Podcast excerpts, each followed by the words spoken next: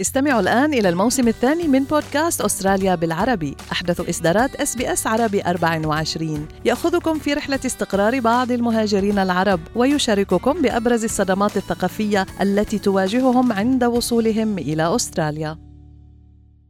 أنتم برفقة إس بي إس عربي 24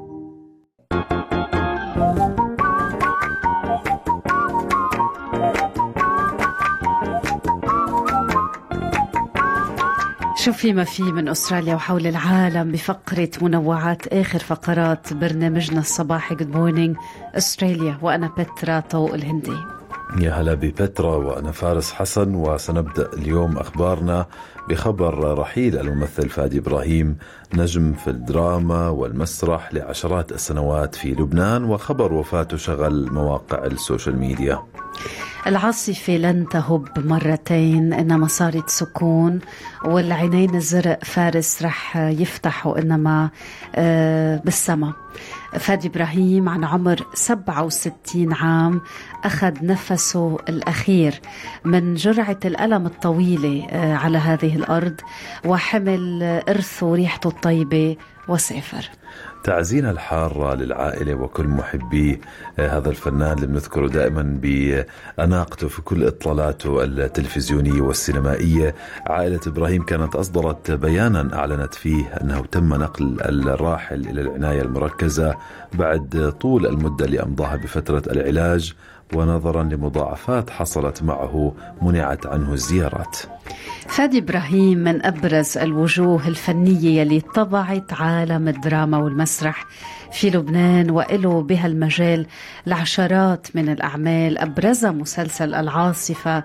تهب مرتين لشكر أنيس فخوري يلي عرض على تلفزيون لبنان والعمل المسرحي الشهير نادر. نادر مش قادر لمروان نجار. آه، ليل يلي بيعرفوا أنه فادي إبراهيم يحمل الجنسية الأسترالية من والدته آه، وشقيقته توجهت إلى بيروت للقائه ولل للأسف يعني آه، اللقاء والوداع آه، يعني ما قدروا سبقوا الوقت.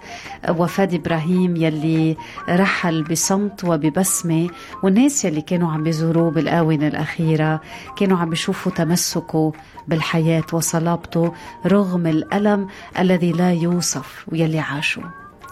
مؤسف جدا ممثلون وإعلاميون عبروا عن حزنهم. يعني فور إعلان وفاته سارع اصدقائه من الممثلين والممثلات للتعبير عن حزنهم لفقدانه. نبدأ بالمنتج صادق الصباح ليعتبر خبر رحيل. فادي إبراهيم خبر حزين والراحل في عز عطائه ووصفه بأنه صاحب موهبة استثنائية. وأداء فريد قدم عشرات الأعمال لتركت أثر في الدراما اللبنانية. متمنيا السلام لروحه ومقدما العزاء لعائلته الصغيرة والكبيرة. كارمن لبوس كارمن القريبة كتير من فادي إبراهيم كتبت هالكلمات يعني بكل بساطة عبر منصة أكس مش قادرة أكتب وعبر صعب كتير. طبعا يعني عدد كبير من النجوم والإعلاميين نذكر منهم جمان أبو عيد دليدة خليل ونجوم آخرين أيضا في العالم العربي ليس فقط في لبنان قدموا التعازي بوفاة هذا الممثل اللي ترك بصمة واضحة في الدراما والمسرح. في لبنان وفي العالم العربي. ننتقل إلى خبر أيضا شغل مواقع التواصل الاجتماعي. حالة جدل يعني على السوشيال ميديا بمصر وانتشرت من مصر إلى باقي الدول العربية. فتاة تقفز من سيارة أجرة بالتشارك أو يعني تطبيقات سيارات التطبيقات وتنقل إلى المستشفى مصابة اليوم بإصابات بالغة. والسؤال لماذا قفزت من السيارة؟ ما الذي حدث؟ لماذا قفزت من السيارة؟ هل كان في شيء عم تهرب منه؟ هذه الشابة ما عنا بعد معلومات إنما الواقعة حدثت مساء الأربعاء وأخذت مساحة كثير كبيرة عبر الوسائل الإعلامية فارس. آه، آه، هذه الفتاة التي يعني كانت عم بتخاطر بحياتها ربما لتتمسك بحياتها. المسألة صارت معروفة إعلاميا بفتاة أوبر أو فتاة الشروق. نسبة لضاحية الشروق شرقي القاهرة آه، قفزت من السيارة من سيارة أوبر على طريق السويس في نطاق قسم شرطة الشروق.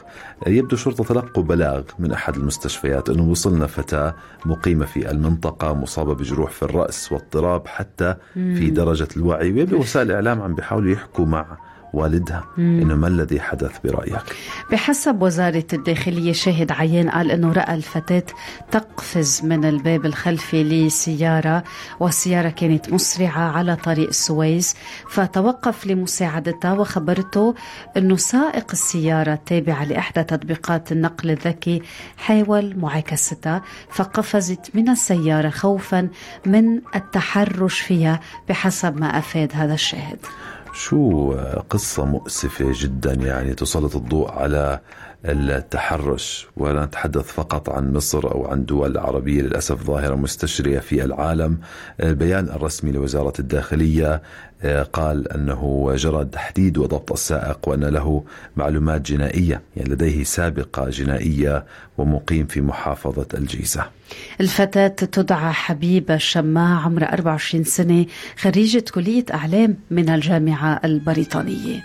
سنكتفي بهذا القدر وإذا توصلنا لمعلومات إضافية نوافيكم بها في بودكاست لبكرة. من بودكاست منوعات تابعوه على SBS Audio app. شكرا لحسن الاستماع.